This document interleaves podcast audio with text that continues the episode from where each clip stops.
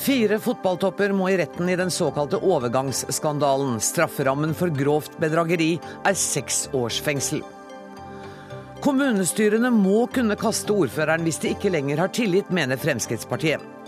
Da blir ordførerne værhaner for politiske stemningsbølger, svarer jusprofessor. Og partene i Colombia-konflikten forhandler nå på et sted i nærheten av Oslo. Lykke til, sier Jan Egeland, som mener sjansen er større nå enn da han mislyktes på 90-tallet.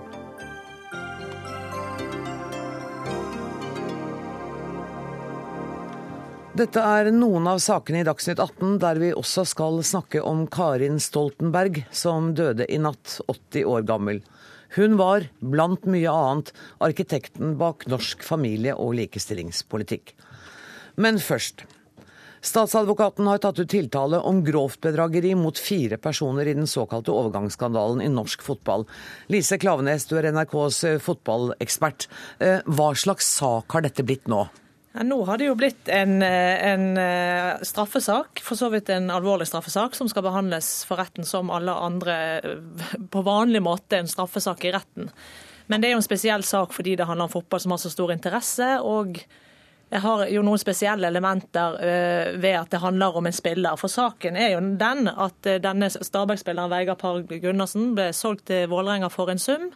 Og så er temaet i denne saken her, om det kan bevises ut å være rimelig tvil, at han er mispriset, altså priset lavere enn han egentlig skulle være, for å unndra midler til en klubb som han tidligere hadde spilt for. I Frankrike. I Frankrike, som heter Nancy, som, han hadde en avtale med, eller som Stabæk hadde en avtale med om at 50% av videresalgssummen skulle gå til Nancy ved, ved videresalg. da. Så temaet der er om Stabæk bevisst har underpriset Vegard Pahl for å, å, å kall det lure Nancy for penger. Morten Stene, du er politiadvokat ved Asker og Bærum politidistrikt. Hva er det som gjør at dere nå tar ut tiltale mot disse fire? Det er en oppsummering av, av saken etter at vi har holdt på å etterforske i et uh, lite år. Og hvor vår vurdering av bevisene i politiet har vært at det har vært grunnlag for å ta ut tiltale mot fire personer, og hvor statsadvokaten har sagt seg enig i det. Ja, og Du har sagt på fjernsynet tidligere i dag at dere har en god sak etter din oppfatning, og at det er mer enn rimelig godtgjort at, at, at dere får en sak her. Ja, en sak det har vi jo, men vilkårene for at vi skal kunne fra politiets side innstille på tiltale, for at statsadvokaten skal kunne ta ut en tiltale, er jo at vi skal være overbevist om at, at vi kan føre bevis for et straffbar handling utover enhver rimelig og fornuftig tvil, som, som Klaveness var inne på. Hun, hun kan vel ikke bare spille fotball, hun har vel også lest litt juss. Ikke så lite heller, tror jeg. Hun arbeider som dommerfullmektig for tiden. Ja, ja, for all del. Uh, og I tillegg så må vi kunne føre de bevisene for domstolen, slik at domstolen også skal være overbevist om at våre anklager er riktige. Det er det siste året kommet fram flere alvorlige saker innenfor, innen norsk fotball. Er dere overrasket over det dere fant i etterforskningen? Ja, altså skal ikke, jeg skal være litt varsom. altså Jeg har ansvar for én sak og ja. vil være litt varsom i forhold til å sette dette inn en stor kontekst. Men jeg er jo kjent med at det har dukket opp andre, andre straffesaker, og for også versert andre straffesaker tidligere tilknyttet uh, fotballmiljøet. Uh, og det er jo klart at det går an å se dette som, som, en, som er mer en generell trend, men jeg vil være varsom med å gi noen sånne sterke karakteristikker av, av, av den av dette. Jeg, jeg forholder meg til hva skal jeg si, til min sak. I dag har vi hørt forsvarere si at de er overrasket over at dere har tatt ut denne tiltalen. Nå er det vel ikke overraskende at forsvarere mener noe annet enn politiet om dette, men dere har også blitt kritisert for å prosedere saken i mediene, bl.a. ved å innkalle til en pressekonferanse. Hva er din reaksjon på det? Vi, jeg opplever overhodet ikke at vi har prosedert saken i, i media. Det er et uh, nokså kraftig trykk på denne saken fra media sin side. Og vi føler et klart behov for å gå ut med en pressemelding, som vi har gjort også tidligere i saken, når vi er ved mer, mer milepælaktige stadier i saken. Og Det har vært etterspurt i lang tid påtalemyndighetens avgjørelse av påtalespørsmålet. Og Når det da nå foreligger, så er det helt naturlig for oss å gå ut i media ved det. Og jeg opplever ikke at det på noen som helst måte er en, en forhåndsprosedering av saken. Du sa at det har vært et sterkt trykk fra media. Er dette en mediestyrt sak? Nei, det, det kommer helt an på hva, si, hva, du mener med det, med det spørsmålet. Men, men vi, vi, vi lar selvsagt ikke media diktere hva vi skal eh, etterforske, eller hvilke påtalegjørelser vi skal treffe i en sak. Det, det er for vår del et utenforliggende hensyn. Tusen takk for at eh, du var med oss, politiadvokat eh, Morten Stene. Vi har også invitert advokaten til en av de tiltalte, men han ønsket ikke å delta i dagens sending. Yngve Hallén, president i NFF. I går slo Norge Kypros, og 21-landslaget kvalifiserte da de slo stormakta Frankrike. I dag tas det ut tiltale mot fire personer i norsk fotball. Hvordan har dette døgnet vært for deg? Nei, Det var jo en kjempeopptur, det som har skjedd den siste veka med alle landslagene på guttesida, som har gjort en kjempeinnsats. Når det gjelder saka i dag, så kan du si at den kommer å overskygge. Den overskygger ikke alle de gode resultatene. Men, eh, og Samtidig så tror jeg at mange, både de involverte partene og fotballfamilien for øvrig, syns at eh, det er greit at det er framdrift i saken, sånn at vi kommer til en slutt i saken. Det er en sak som har vært vond for oss alle. Eh, spesielt for de som har vært direkte involvert. Sånn at eh, en får denne saka fram og får avslutta, tror jeg alle eh, ønsker. Men hvordan ser du på tiltalen om grovt bedrageri? For jeg har snakket med folk i dag som sier at det går an å se på det som kreativ kontraktskriving, som ikke er juridisk straffbart, men som kanskje er litt på kanten etisk. Hvordan vurderer du det? Jeg vil ikke gå inn i den, denne saka her i, i det hele. Eh, sånn at eh, Jeg er sikker på at de partene, de klubbene som er inne, de enkeltpersonene som er inne, bidrar skikkelig til at eh, alle ting kommer fram, sånn at vi får dette opp på bordet. Så får vi se om det også er ting i regelverket, ting med vår egen opplæring av folk som bør bedres for å rette dette her i framtida. Så, så det er min innstilling til dette nå. Men dere har jo selv tatt et initiativ til å foreta en interngransking av de to eh, toppelitene i Norge, altså på, på herresida, og toppligaen for kvinner? Ja, det er en gransking, men det er på internasjonale overganger. Det er ikke denne her overgangen her. Ok, Så hva vil dere gjøre med denne type saker? Nei, det er jo, Nå avventer vi eh, eh og lar politiet få jobbe med denne. Det er viktig å understreke at ingen er dømt. Vi håper selvfølgelig at, eh, at slutt med denne saka er at det ikke har skjedd noe gale. Likevel at det vil koste opp en del ting, så vi må gå gjennom og se om vi må endre regelverket vårt, om vi må være flinke med intern revisjon.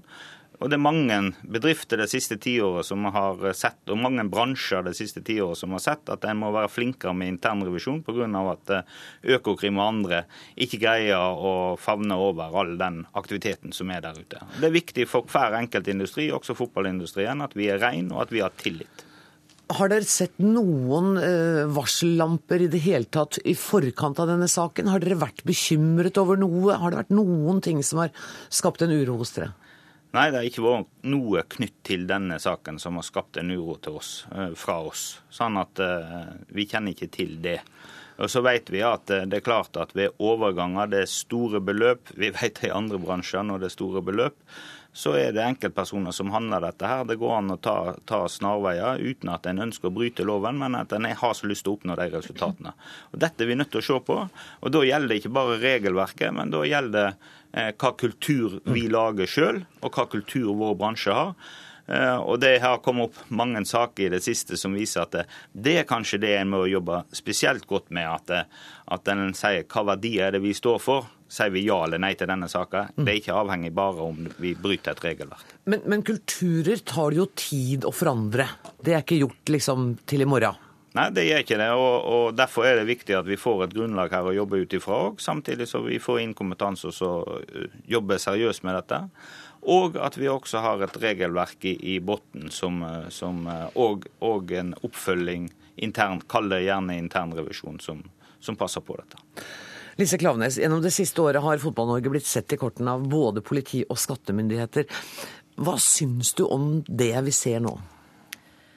Eh, det er ikke noe godt å se på det, selvfølgelig. Jeg er jo òg eh, tidligere Stabæk-spiller, og det er vondt. Og det er vondt å se enkeltpersoner som man jo forbinder med å jobbe for klubb, og, og, og på den måten gjøre en god jobb for klubb. Være dratt inn i straffesaker, det er uvanlig, det er nytt, og det, det gjør vondt. Men, det er jo som Yngve sier her, det er mye penger i fotball på herresiden. Vi er jo noviser på damesiden, mm. men vi har heller ikke noe, noe å stjele, for å si det i gåseøyne. Så, så, det er mye penger, det er stor turnover. Sant? Det er menneskelige ressurser som skal selges på markedet. Det er vanskelig å fastsette priser. Ergo så er det òg større fare for uh, omgåelser. Uh, og, og større fristelser nettopp. Og stort press, stort, stort press fra media, sponsorer og, og eh, ja, hva skal jeg si det, det, press altså det er mange bedrifter som er utsatt for press, men fotball har nok et mer sånn akutt Enten så er jo ting fantastisk, eller så er det katastrofalt. Og Da er det fristende å, kan det være fristende å omgå regelverket. Og så kan dette grense mot straffeloven, som vi ser i denne saken. Om det har skjedd eller ikke, det blir opp til retten å vurdere.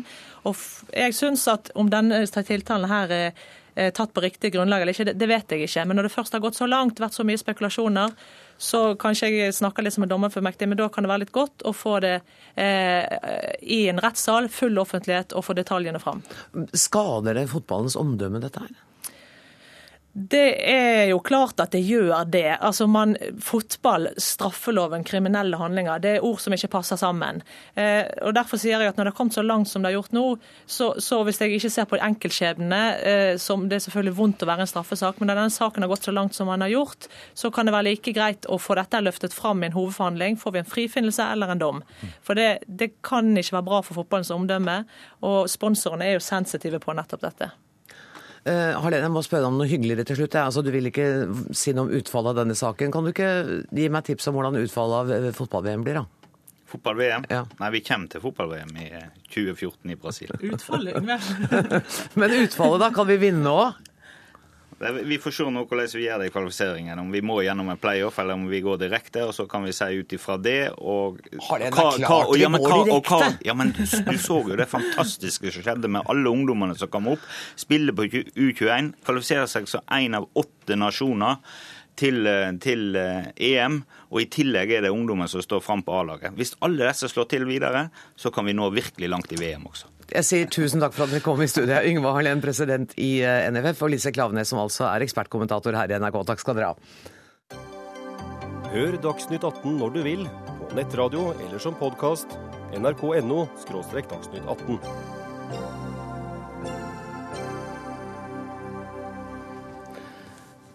Ordføreren i Vågå nekter å trekke seg til tross for tydelige råd fra partiet sitt. Dette har fått debatten om å endre kommuneloven til å blusse opp. I dag er det opp til ordføreren selv å bestemme om han eller hun skal trekke seg fra sitt verv i valgperioden. Kommuneloven bør endres slik at kommunestyret kan beslutte å kaste en ordfører dersom det oppstår mistillit. Det mener du, Jan Fridtjof Bernt, jusprofessor ved Universitetet i Bergen og arbeiderpartipolitiker. Hvorfor mener du det? Jeg får først si at jeg ikke er noen aktiv politiker, så det ikke nå lenger, nei. med litt mer eh, status enn jeg fortjener. Ja, okay. Men eh, for å eh, svare på spørsmålet, dette er ikke en sak som først og fremst dreier seg om det som skjer oppe i Vågå nå. Nettopp. Glad du sier det, for vi prøver å holde det prinsipielt her. Ja, og fordi at Det dreier seg først og fremst om forståelsen av ordførerrollen og om forholdet mellom ordføreren og kommunestyret.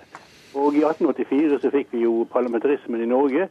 Bestemte at det var Stortinget og ikke regjeringen som skulle ha en øverste myndighet. Vi savner faktisk en tilsvarende regel i kommunene. Men Hva sier kommuneloven i dag om avsettelse av ordfører? Nei, altså Ordfører og andre folkevalgte eh, kan ikke avsettes med endelig virkning av et, eh, av et kommunestyre.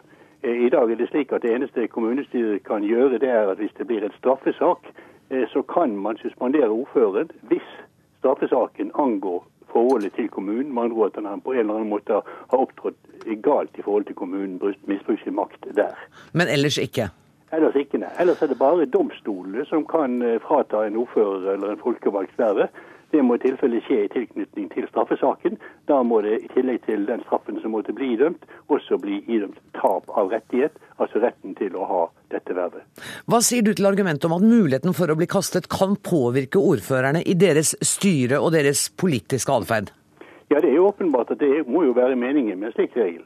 Det dreier seg egentlig bare spørsmålet om hvor sterke virkemidler kommunestyret skal ha for å kunne kontrollere og styre ordføreren eller om ordføreren her bør være mer uavhengig. Med andre ord om vi skal ha noe som ligner mer på et slags maktfordelingsprinsipp. Når ordføreren først er valgt, så sitter han der.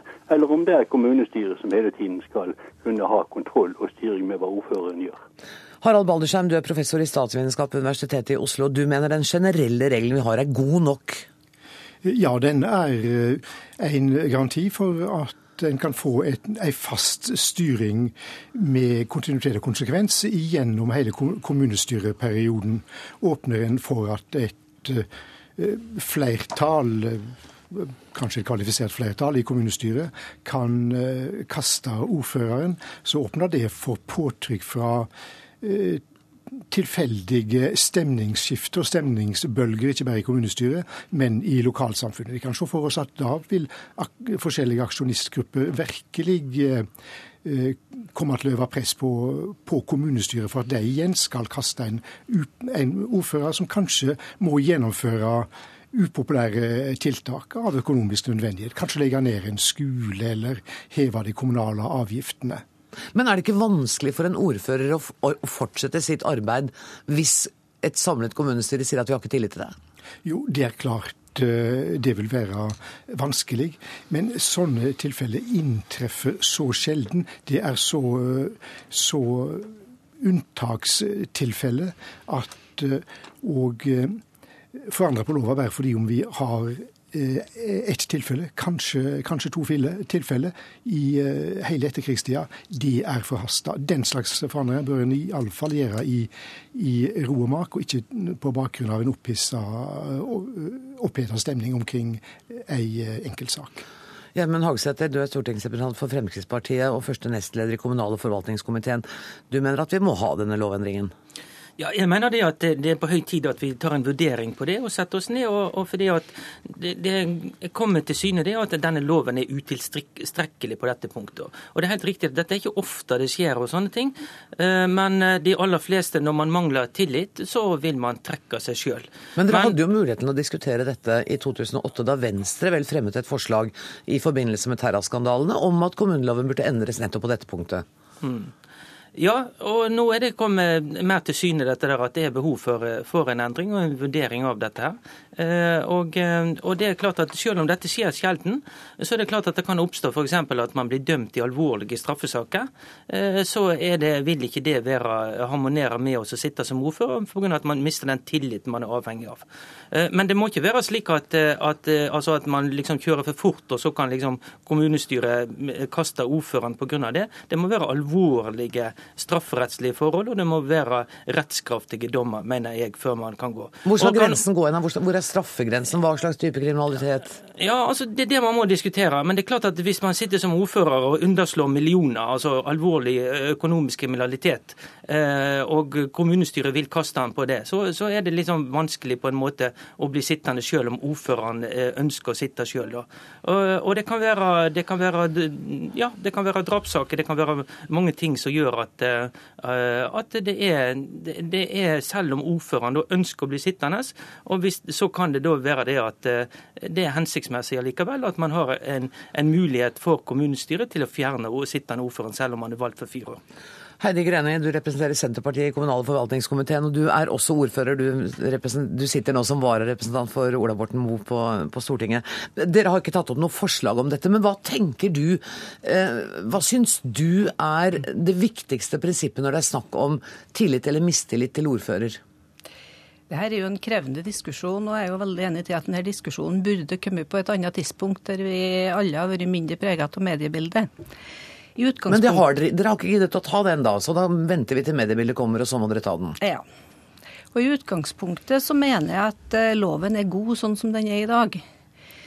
Men eh, så er det vel òg det enkelte situasjoner som den rett og slett ikke har tid opp i seg, og som kanskje ikke er vurdert eh, det er som sagt veldig sjelden vi kommer opp i en sånn situasjon. Vi får håpe det fortsatt i tida fremover. Og i de eh, tilfeller der det har vært snakk om mistillit, så jeg håper jo at det sjøl som ordfører, hvis det skulle være sånn at eh, et helt kommunestyre og hele partigruppa mi har mistillit til meg, at det da har sjølinnsikt nok til å be om fritak. Men i de sakene der det ikke skjer, så tror jeg vi bør vurdere om f.eks. et enstemmig kommunestyre skal kunne forlange nyvalg i helt spesielle tilfeller. Det er jo kommunestyret som velger ordføreren under konstitueringa. og Og da bør det òg være kommunestyret som da eventuelt kan eh, bestemme nyvalg. Men Her kommer det et helt konkret forslag, og vi må bare få reaksjoner på det. Vær så god, Baldersheim. Eh, det å innføre regler som gir det mulig for kommunestyret å fjerne ordføreren i løpet av en valgperiode med større eller mindre flertall, det er å ta et steg i retning av kommunal parlamentarisme. Og det åpner jo eh, kommunelova for i dag òg. Kommunene kan velge å innføre kommunal parlamentarisme. Ville du synes det var en god idé? Som en har i Oslo f.eks., og i Bergen og i noen fylkeskommuner. Ja, jeg synes det er en god idé. Da får en, en, en et ryddig reglement rundt eh, skifte av ordfører og, eh, og andre kommunale politiske posisjoner. Professor Bernt, hva syns du om det? Nei, altså, først vi understreke at vi er, vi er, egentlig inne på to ulike diskusjoner. Det ene er spørsmålet om kommunestyret skal kunne opptrå som en slags ekstra dommer i saker hvor noen har begått noe straffbart. Mm. Det, det, er jeg veldig kritisk til. Det mm. bør være domstolens oppgave. Jeg snakker nå om den politiske kontrollen som kommunestyret bør ha. Og Vi må huske på det at lovens regel er i dag at kommunestyret har fulle muligheter til å skifte ut alle utvalg og alle ledere i valgperioden når de måtte ønske det. Alle er valgt av kommunestyret på vegne av eh, kommunestyrets eh, representanter. Og eh, da er det egentlig bare ordføreren som sitter som en person som ikke kan flyttes på, uavhengig av om man kommer i konflikt med Men jeg, jeg tror det var et politisk aspekt det Greni var inne på her, ikke som en overdommer over domstolene? Nei, men altså det ble nevnt dette med straffeloven. Bare si at når eh, Harald Ballersheim anfører dette med eh, stabilitet og fare for eh, påvirkning, så får jeg egentlig bare si at ja, Det er jo det demokratiet handler om. Mm. Jeg mener faktisk, jeg ønsker meg faktisk en, eh, en, kommune hvor det kanskje er litt mer levende politisk debatt og litt mer støy, og hvor ordføreren ikke sitter som en sånn rokkelig person med mye makt og innflytelse i en fireårsperiode. For demokrati er faktisk det som skjer mellom valgene, ikke det som skjer ved valgene. Mer debatt og mer politisk støy i kommunestyrene, Hagsæter. Hva syns Fremskrittspartiet om det? Nei, altså det syns jeg jo er greit at man kan ha debatt og støy i kommunestyrene òg, men jeg vil jo si også dette her at eh, jeg har ikke sagt det at kommunestyret skal opptre som noen overdommer. Det er domstolene som må dømme i en straffesak, men det er klart at hvis det oppstår eh, forhold, alvorlige forhold, eh, som medfører at man taper tilliten og svekker, får svekka tillit, og, og kommunestyret er av en slik oppfatning av at er kommunen er tjent med en ny ordfører, så bør vi ha en mulighet for det, mener jeg. Eh, og det kan godt hende at vi bør ha et kvalifisert flertall i kommunestyret. Og man kan for så vidt også tenke seg andre ting som ikke er strafferettslige forhold, eh, som gjør f.eks. hvis en ordfører blir psykisk ustabil, eh, blir dement, og man har altså klar dokumentasjon på det, men han syns kanskje ikke det er greit å trekke seg sjøl. Og da bør man altså ha en mulighet at kommunestyret kan si at verken han sjøl eller kommunen er tjent med at han fullfører den fireårsperioden. Og Det er den muligheten som ikke mangler i dag, og det er det vi må sette oss ned og diskutere og finne om vi kan forbedre kommuneloven på dette punkt. Og Det var og det, det Grene hadde et forslag om her, at man kunne gjøre den endringen ved at et enstemmig kommunestyre i gitte situasjoner skal gis adgang til dette. Jeg mener jo det blir feil å blande det her oppi domsavsigelser og den biten der. For det her, her, må handle om tillit. Det må handle om kommunestyrets tillit. Det må handle om partigruppa di sin tillit. Og vi skal ikke være noe overdomstol. altså Er det en strafferettssak, så får de sin dom og ferdig med det. Og så må vi vurdere er det tillit til at vedkommende fortsatt sitter som ordfører. Så det er tillitsaspektet her som eh, vil være opp til politikerne å vurdere, og ikke, ikke det juridiske. Og dette er en diskusjon som dere kommer til å måtte fortsette å ha, men vi må sette strek i denne omgang. Tusen takk, for at dere deltok, Jan Fridtjof Bernt, jusprofessor Harald Baldersheim, eh, også professor Gjermund Hagesæter og Heidi Greni.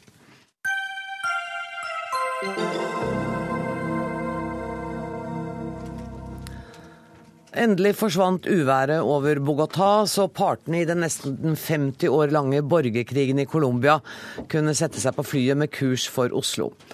De skulle ha kommet for flere uker siden, men hva gjør vel et par uker fra eller til når målet er å få slutt på Latin-Amerikas lengst varende borgerkrig? Og hvordan tror du det går denne gangen, Jan Egeland? Du var helt sentral som FNs mann i fredsprosessen på 90-tallet. Jeg håper jo virkelig at det skal lykkes denne gangen. Eh, og jeg tror forutsetningene er bedre denne gangen enn de var fra, for 10-12 år tilbake. Man skal huske at den gangen var FARC, som da altså var verdens største geriljaorganisasjon på det tidspunktet Jeg, jeg var, brukte mye tid sammen med dem. De hadde 18 000-20 000 kvinner og menn under våpen. Og det var, ble etter hvert åpenbart at de trodde de kunne få vinne mer på slagmarken enn ved forhandlingsbordet på det tidspunktet. Samtidig som regjeringen på mange måter forhandlet ut ifra en svakhetsposisjon. Mm. Og var ikke i stand til å organisere effektive forhandlinger. Så denne gangen tror jeg forutsetningene ligger mye bedre til rette. Hva er det de kommer til å forhandle om? Det, altså, I begynnelsen nå er det jo eh, denne klassiske talks about talks-fasen. Man forhandler om hvordan man skal forhandle. Okay. Så vil man eh, begynne, så vil man eh, være enige om en detaljert agenda.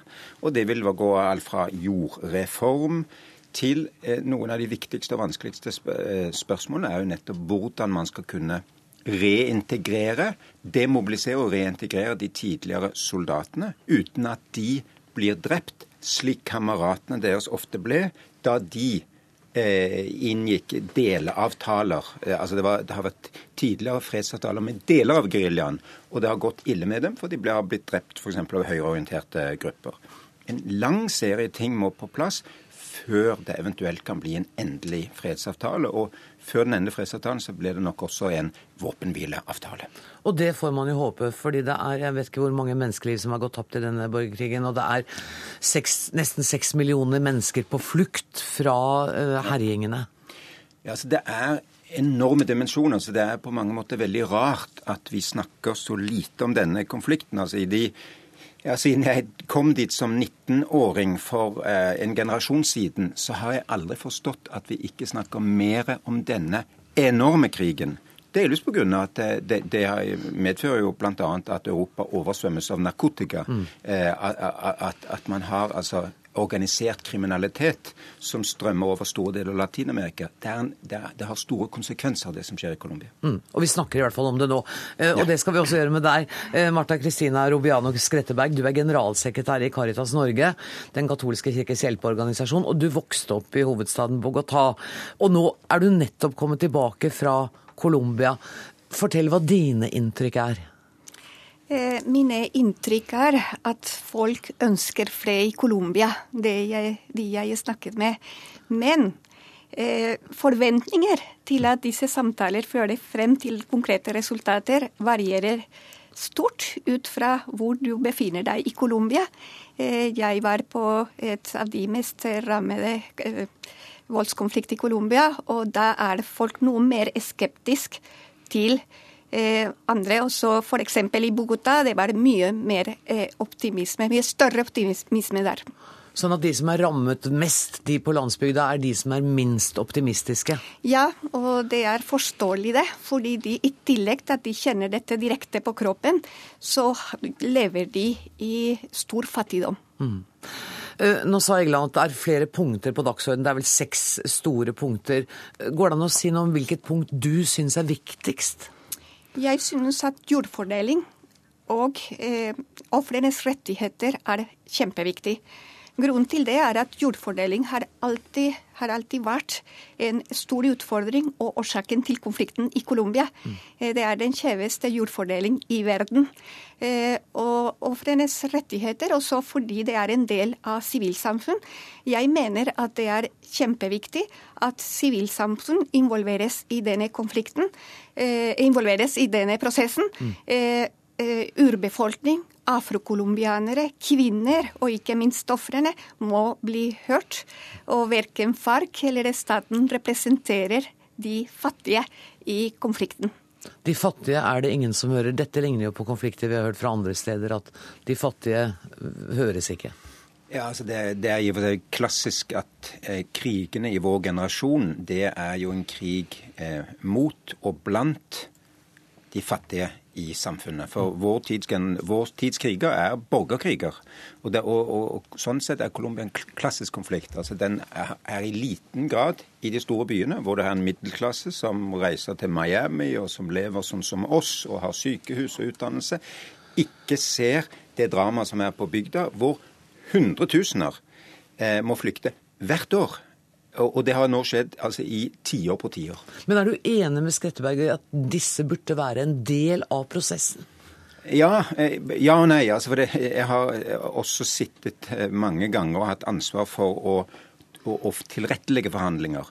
Hvis man klemmer inn for mange i forhandlingsdelegasjonene og, og da, altså, Ideelt sett burde det være en fra de indianske, fra, fra ulike indianske grupper, fra den dine af, afroamerikanske gruppen, fra kvinner som representerer barna, som representerer flyktningene osv. Da er det vanskeligere å få til direkte forhandlinger. For det, det, blir mye diskusjon seg imellom. Hvordan skal man avveie disse? Så det man bør ha, er en parallell prosess hvor sivilsamfunnet kan komme med sine krav og ønskemål til forhandlingsgruppene, som må være små. Mm. Skretteberg.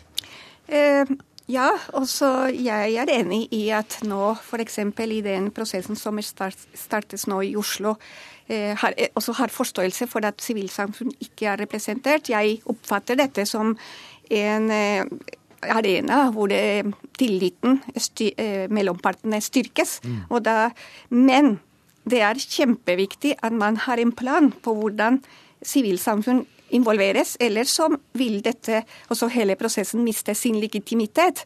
Eh, og, og, dette har skjedd tidligere, at sivilsamfunn ikke er involvert på en ordentlig måte. Og da eh, vil det den eseptisisme som jeg forteller dere om fra, ut, fra landsbygda, fortsette, fortsette fordi føler, folk føler at de ikke er med i å bestemme. Eh, eh, med forslag i forhandlingene. Og da vil den skepsisen også kunne bidra til å forsinke prosessen? Fordi ja. folk tror ikke på det som skjer, egentlig. Ja, nettopp. Og jeg er helt enig med Skretteberg i alt dette her. Og en tilleggsdimensjon er følgende. Eh, man kan her få Den verst tenkelige nærmest utfallet er at her sitter det en del menn ved forhandlingsbordet som har blod på hendene, både på den ene og andre siden, og så sier de at en av de tingene vi er enige om, er å tilgi hverandre for alle tidligere overgrep. Altså amnesti kan komme, kom, komme ut av dette her. Eh, det gjør de da nærmest på vegne av kvinner og barn som er drept og, og lemlestet på veien. Så blant de ting vi må se, er at det blir også rettferdighet, og ikke bare forsoning mellom disse mennene som har slåss i så lang tid. Jeg tar til meg kritikken eh, om at vi ikke har snakket nok om eh, denne konflikten, og lover at vi skal eh, snakke mer om den i meget nær framtid. Tusen takk for at dere kom, Jan Egeland og Marta Kristina Rubiano Skretteberg.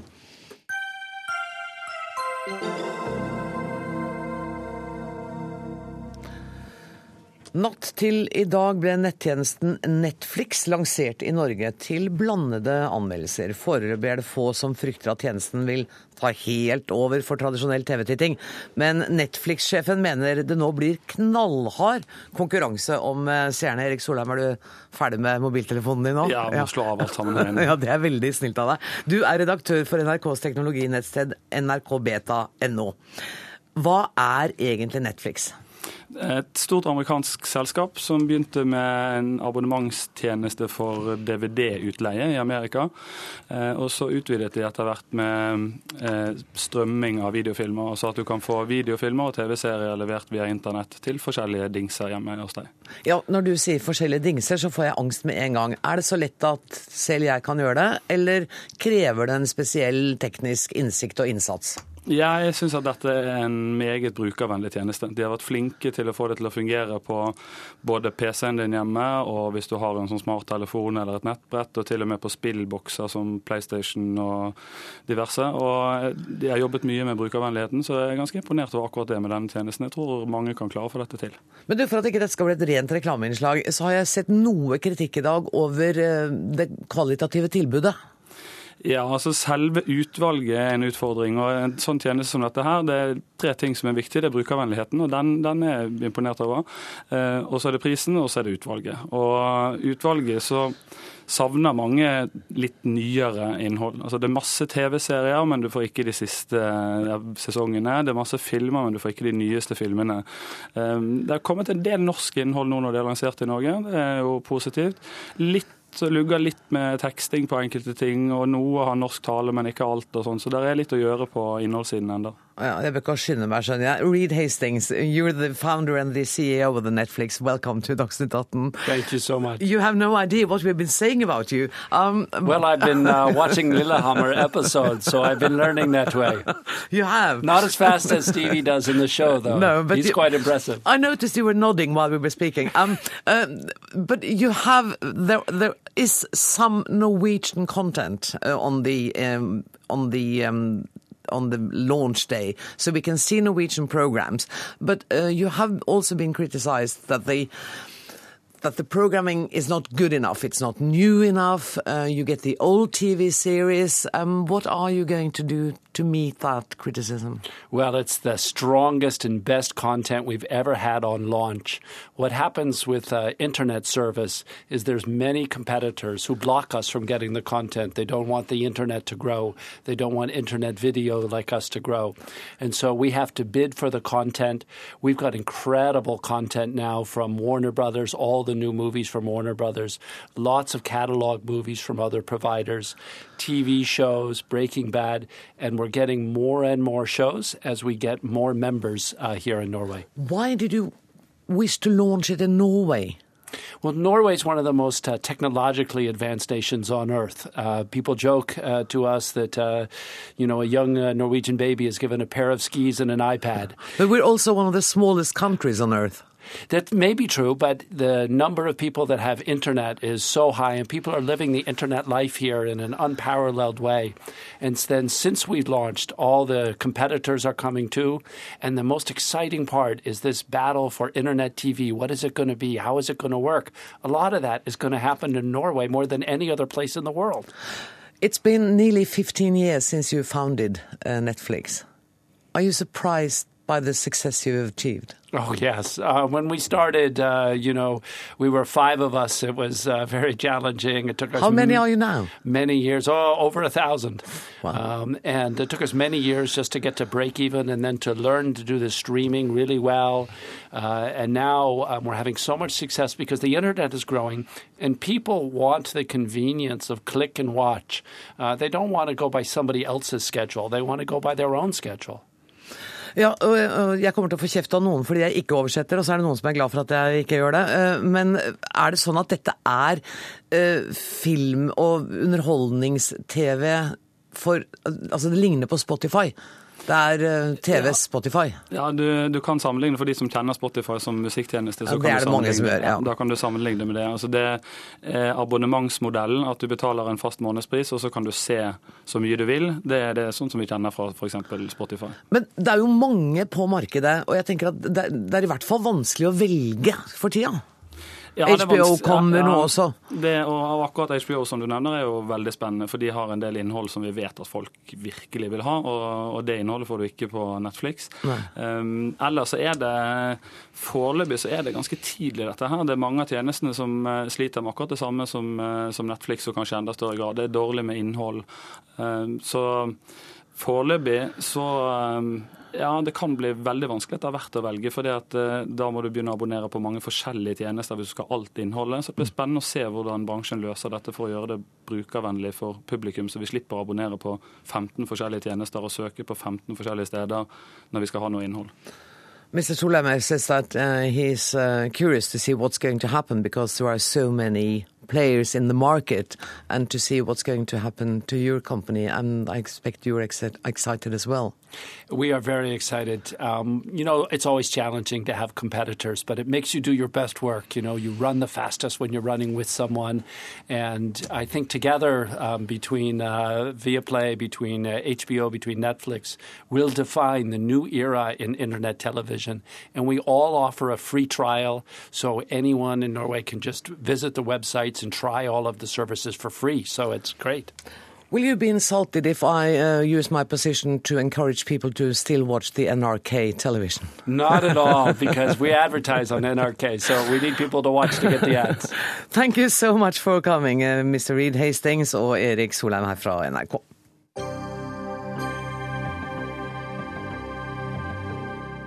Det er, det er, udemokratisk å fjerne brukerne fra styrerommet i Statnett. Det mener altså Energi Norge. For kraftbransjen frykter nå mer hemmelighold og høyere strømregning når regjeringen går inn for å fjerne den faste styreplassen som brukerne har i Statnett.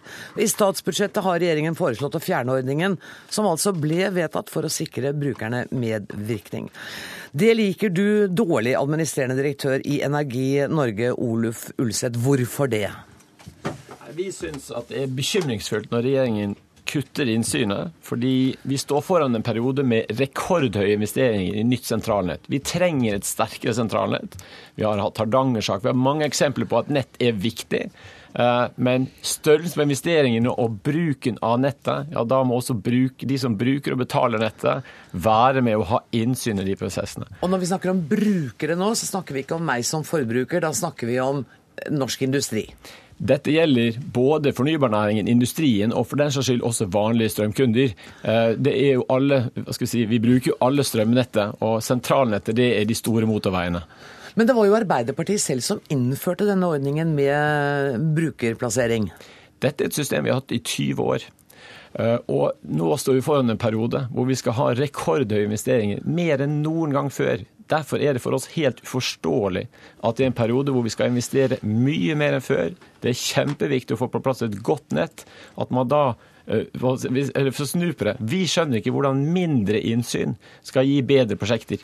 Dette skal du bli forklart nå av statssekretær i Olje- og energidepartementet, Ane Kismul. Hvordan kan mindre innsyn gi bedre prosjekter? Det stemmer som Ulseth sier at vi står overfor veldig mange store og vektige investeringer fremover. Og staten har fått en veldig krevende og stor oppgave som de skal løse. Og Da har vi vært opptatt av å finne og rigge dette systemet sånn at det blir mest mulig effektivt, så vi får brukt ressursene våre mest mulig effektivt, og sånn at vi får på plass de beslutninger som skal tas. Eh, I den jobben så har vi gjort noen grep. Det ene er å legge ned eh, sentralnettbrukernes råd, som eh, det her er snakk om. Og det er for at vi rett og slett vil ha mindre byråkrati og en bedre løsning av de store oppgavene vi står overfor. Og så går det ikke an å komme her og begynne å snakke om uh, forbrukerne som i betydninga det og med her. Dette er et råd som vi har hatt siden 1991. Forbrukerrådet har de siste årene ikke engang ønska å møte, for de finner det ikke bryet verdt. Så dette var et råd som var klart for nedleggelse. Og så er det sånn at Statnett er jo avhengig av god dialog med mange brukere, ikke bare Energi Norge. Uh, de på alle de store prosjektene man står overfor nå, så må de ha utstrakt dialog. Men med, med bredt lag av aktører og brukere. Og Det vi er opptatt av nå, det er at Statnett har som oppgave å skape gode arenaer for den dialogen på hvert prosjekt. At man kan skreddersy dialogen på de prosjektene det gjelder, og ikke at ei spesiell gruppe får lov til å sitte og ha innflytelse i et råd. Svein Flåtten, det høres så bra ut. Fjerne unødig byråkrati og gjøre eh, beslutningsprosessene mer effektive. Du er nestleder i næringskomiteen på Stortinget for Høyre. Ja, det høres helt fantastisk ut. Ok, Men da er vi ferdige her, da. Det burde vi være. Men når det går på å fjerne en eneste styreplass og litt medvirkning i et råd, så er jo det helt merkverdig. Jeg tror at det er mye man kan effektivisere i eh, Statnett. Men det som er aller viktigst, er jo at det sitter folk fra brukergruppene, ikke akkurat forbrukerne, men de andre brukergruppene, inne for å kontrollere nettopp denne effektiviteten. For hvis ikke Statnett er effektivt, så kommer regningen ut til norsk næringsliv. Og det vil ikke Høyre ha. Da vil vi heller ha en stilling eller to, en styreplass eller tre, for å kunne kontrollere ja, så det. er ikke mer byråkrati ved å ha dette brukerrådet? Nei, det syns jeg er så hårfint at å kalle det for effektivitet, det er å skyte langt, langt over mål. Kismen. Ja, altså jeg syns det er ganske eh, overraskende, eller hva man skal si. Hvis det er Høyre som sitter og snakker om effektivisering, effektiv bruk av ressursene, og når man faktisk kommer til grepene, når regjeringa tar grep, effektiviserer og gjør systemene mer likebehandling mellom aktørene og mer effektive systemer, da er dere imot. Så det her er jo det, når man gjør effektivisering i praksis, da stritter Høyre imot. Det er vanskelig å forstå. Ja, Dette er jo helt uh, underlig. Altså, Statnett vil antagelig investere 40-50 milliarder i året fremover. Da trengs det medvirkning i styrene for å se til at dette blir gjort på en mest mulig effektiv måte. For som jeg sa i sted, regningen kommer til ikke bare næringslivet, men også norske forbrukere. Og det å kalle det for effektivitet og desimere et sånt styre og få mindre innsyn, ja det er godt gjort. Og samtidig da anklage Høyre for at man ikke vil bygge ned byråkratiet. Jo, kom med gode forslag fra regjeringen, så skal vi støtte de helhjertet. Men dette er ikke noe godt forslag. Det er jo nettopp for å fremme effektiv ressursbruk, for å få de gode prosjektene, at vi ønsker å delta eh, med kunnskap og engasjement i disse prosjektene. Og det å fokusere da på de administrative kostnadene ved et råd på seks personer opp mot en investeringsportefølje på 50-70 milliarder kroner, det blir helt meningsløst. Eh, at innsyn koster noe tid i å dele informasjon, ja, men det er virkelig ikke det denne saken handler om. Vi trenger et sterkt sentralnett. Vi trenger store investeringer fremover.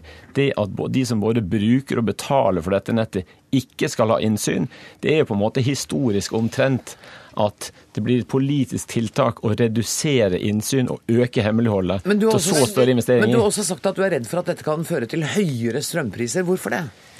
Vi er opptatt av, vi er redd for at kostnadsveksten vi nå ser i nettet og sentralnettet Vi trenger et sterkt nett, men vi trenger også å ha kostnadene under kontroll. Vi tror at brukermedvirkning bidrar til kostnadskontroll, og at det blir bedre prosjekter. Ja, det virker ikke sånn på den strømregninga jeg har hjemme. Strømregningen din nå er ganske lav. Ja, men altså det har vært helt annerledes. Jeg vet ikke om det er at dere, at dere, at dere er noen garantister for at vi vanlige folk får lavere strømregning. Det er dere vel ikke? Det kraftmarkedet forteller oss, er at kraftprisene ser flatt og nedover ut fremover, relativt lave. Men kostnadene til nettet vil gå opp. Både på distribusjonsnett og på sentralnett. Men akkurat derfor, i en periode hvor vi skal ha rekordinvesteringer, ja da er det viktig med bredt engasjement godt innsyn, og at de som både bruker og betaler, eh, hva skal vi si, er med på det laget. Det var jo også noe regjeringen la vekt på når de har en egen stortingsmelding etter Hardanger-saken. Det har de nå glemt. Og jeg har også lyst til å ta med det de foreslår i budsjettet, det er hva de skal kutte ut. Det er ikke en antydning. Det står knapt i budsjettet overhodet at det er viktig å høre brukerne. Mm. Altså, Ulseth sitter her representerer ei gruppe. Statnett har enorme store oppgaver foran seg. De er nødt til å forholde seg til alle de gruppene som skal ha innvirkning og medvirkning på de sakene. De har, vi forutsetter at de får på plass dialog, den dialogen. Vi vet at det allerede er i gang en samtale med sentrale aktører om hvordan dette skal fås på plass. Men Ulseth sitter og representerer bare den ene delen av de mange aktørene som skal tas med i denne åpne prosessen. Men er det ikke litt rart å si at fordi det er et par stykker som ikke møter så dropper vi hele greia. Eh, altså Hvis det er et problem med representativitet, hvis det er et problem å gjøre noe med brukermedvirkning, da vil det normale være å ha en dialog med de det gjelder. Ja, man kunne til og med hatt et forslag, man kunne kjørt det på høring. Her er det ikke gjort noen ting. Her er det eneste man foreslår, Kort setning, dette kutter vi ut. Nei, men det, det Statnett sin oppgave er, det er å få på plass en god dialog. Det forutsetter vi at de gjør, og det er de helt avhengig av i alle de mange og store sakene som de har foran seg nå. Men da må man jo ta for seg de aktørene som er aktuelle på hver sak. Det gjelder det ene er produsentene som blir representert her, men òg industrien. Det er kommuner både som bruker av kraft, men òg som vertskap for de store investeringene som skal skje. Det er miljøorganisasjonene. Det er mange som var med i de prosessene videre. Og der har vi åpne prosesser. Så hvis regjeringen ønsker å utvide brukerrådet, hadde vel ikke det vært så vanskelig? Hvis det er Nei, det du nå argumenterer for. Det dere altså, har foreslått, er å kutte det ut. Dette er et råd som er så utdatert at Forbrukerrådet en gang ikke fant det bryet verdt å gå på de møtene. Det sier noe om hvordan råd du sitter nå og forsvarer at og vi skal opprettholde. Forbrukerrådet hadde heller ikke tid til å delta her i Dagsnytt 18, vi skal ikke bruke for mye tid på det. Men Flåtten, vær så god. Nei, men å argumentere så sterkt for at en monopolbedrift som har en investeringsportefølje på mange titalls milliarder i året, ikke skal ha innsyn. Det er helt underlig. Jeg deltok nettopp i en omdømmeundersøkelse for Statnett og fikk resultatet på, eh, på mail her for noen dager siden. Der konstaterte man at tidligere hadde Statnett vært lukket. Det mente de som var spurt at de fortsatt var. Eh, men ikke fullt så ille. Jeg syns at dette, denne saken her er et veldig godt bidrag til å ta akkurat det tilbakeskrittet som man ikke burde ta. Altså, hadde dere ventet denne kraftige motstanden mot å legge ned dette brukerrådet? Jeg synes det er ganske overraskende. For det første så er det snakk om at man skal ha et nøytralitetshensyn, sånn at alle brukere og alle aktører som er berørt, skal få være med i den dialogen, at det ikke skal være forbeholdt noen få som sitter i et råd. Men at man går i hver sak og skreddersyr den dialogen som trengs for de enkelte prosjekt.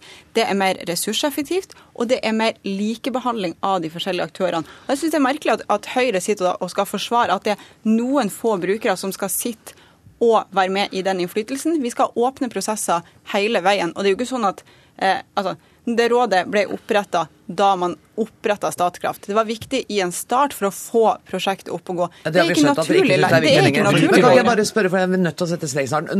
Altså, dette her, forslaget kom i statsbudsjettet. Når ser dere for dere at dette rådet skal være nedlagt?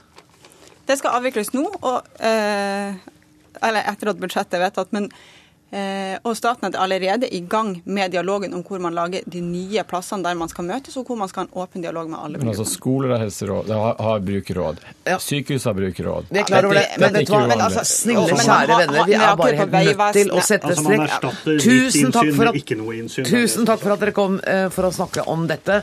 Det var altså Ole Fullseth, Ane Kismul og Svein Flåtten.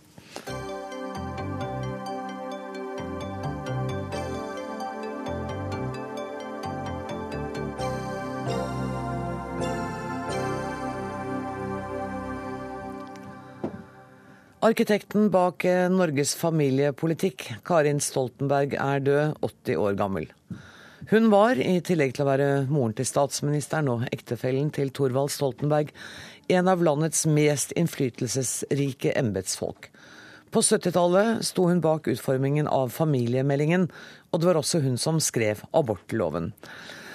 Velkommen til Dagsnytt 18, Anne, Anne Kari Lande Hasle. Du er departementsråd i Helse- og omsorgsdepartementet, og du har arbeidet mye sammen med Karin Stoltenberg. Hva slags embetskvinne var hun? Hun var en fremragende embetskvinne.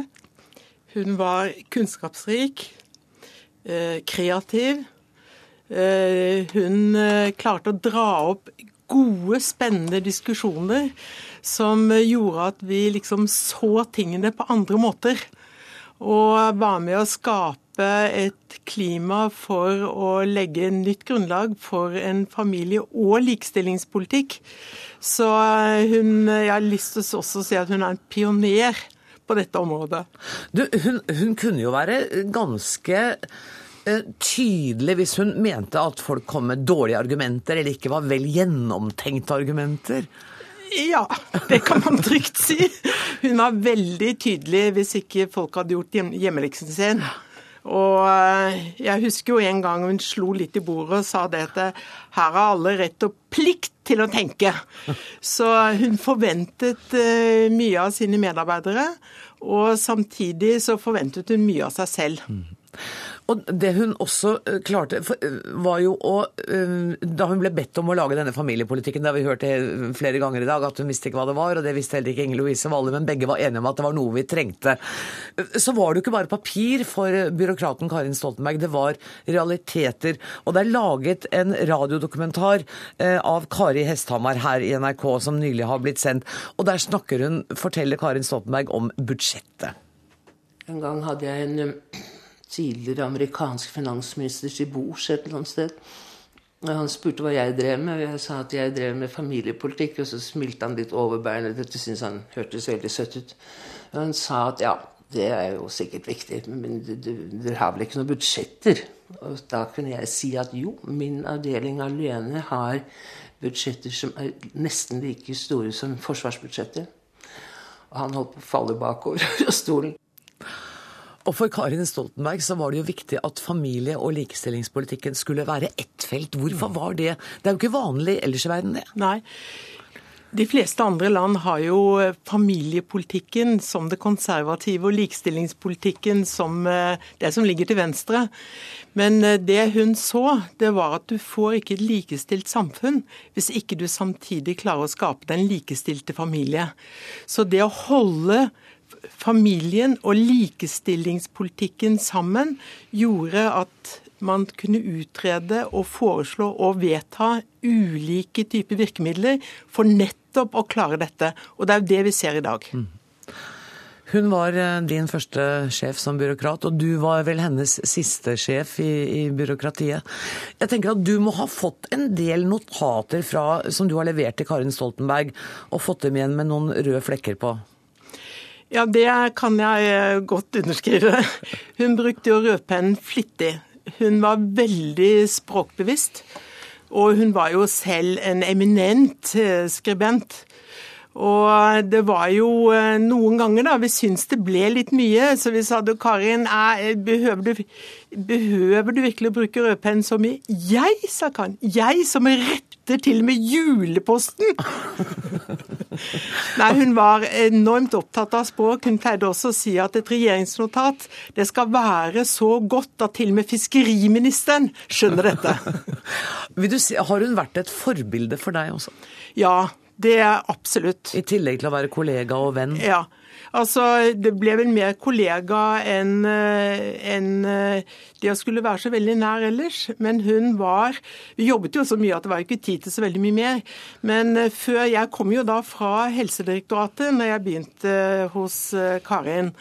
Og jeg eh, jobbet da med abortloven, sånn at jeg var den som brakte inn abortloven i den familiemeldingen som da ble den store politiske debatten som hun klarte å fremme og politikerne klarte å ta stilling til. For det var jo det som ofte var utgangspunktet. Hvordan skal du klare å redegjøre på en så god, overbevisende, enkel og lettfattelig måte at du skjønner politikkens linjer. Mm. Og der var hun fremragende. Og hun sa en gang til meg at det å skulle skrive abortloven, formulere den, det kunne du ikke gjøre hvis du ikke også var inderlig enig i innholdet som byråkrat. Hun sa mange andre lover kan du skrive utkast til uten at det betyr noe for deg, men ikke abortloven. Jeg tror det er helt riktig. Jeg tror at alle de som jobbet, det var ikke så veldig mange, som jobbet med abortloven, hadde en veldig sterk opplevelse av at vi måtte trekke inn en del faglig ekspertise, men til slutt så sa vi nå tør vi ikke ta inn flere, vi vil ha igjen noen til oss selv senere. Du, litt om henne som person. Hun, vi har alle sett bildene. Hun var en vakker kvinne, men hun var fullstendig ujålete, har jeg inntrykk av. Var hun det? Ja. ja. Ganske enkelt. Hun var vakker. Og hun var eh, nokså engasjert liksom, i hvordan alle andre så ut og hva det var. Men selv så var det aldri noe særlig vektlegging av det. Så av og til så måtte vi kanskje passe på at uh, brillestengene hang på, og at man ellers fikk liksom ordnet med ting. Men eh, egentlig var det utrolig sjarmerende. Mm. Fordi det betød også at hun satte liksom sak og fag og det faglige i sentrum. Du sa at dere var kolleger mer enn dere var eh, venner. Og det snakker hun også om i eh, denne radiodokumentaren som NRK nylig har sendt. Det med at hun er en ganske privat person. La oss høre på det kuttet. Jeg hadde som Fra jeg var ganske ung, som tenåring, så hadde jeg nok et litt annet livsideal enn sånn det ble. Jeg skulle bli forsker, jeg skulle leve et veldig stille og rolig liv. Gå på en konsert av og til og en utstilling og lese litt innimellom. Det ble, det ble helt stikk motsatt. Og det har vært bra som det har vært. Jeg sitter veldig mye her ved dette kjøkkenbordet og leser og skriver litt. Det høres kanskje ikke sånn ut, men jeg er en ganske privat person. Jeg har behov for stillhet. Kjenner du igjen eh? Ja. Det var kanskje ikke så lett å få tid til den stillheten i det livet hun levde med Nei, men hun var flink til å, å få til eh, noe av, eh, noe av, det. Hun var jo gjerne tidlig på morgenen, og jeg husker at hun hadde jo mange situasjoner måtte vente på Thorvald. Så hun, jeg tror hun fikk en stol, sammenleggbar stol av mannen sin, så hun skulle alltid kunne sitte eh, og vente. På en forsinket Thorvald. Ja. Men eh, hun var en eh, privat person, men også en diskusjonsglad og ikke minst det å bore i vanskelige problemstillinger, hvor hun utfordret oss og la nokså grunnleggende liksom, spor igjen i hvordan vi senere har vært flere av oss som jobbet der sammen med henne. Du kommer til å savne henne? Ja. Marie Simonsen eh, skriver i dag at når historien skal skrives, vil den fortelle om en kvinne som forandret Norge. Er du enig i det, Anne Kari ja. Hasle? Ja. Det var alt du hadde å si om det. Ja, altså Det går an å legge til at når du forandrer noe som handler om enkeltmenneskers hverdag, så gjør du noe. Tusen takk for at du kom i studio og snakket om Karin Stoltenberg, departementsråd Anne Kari Lande Hasle.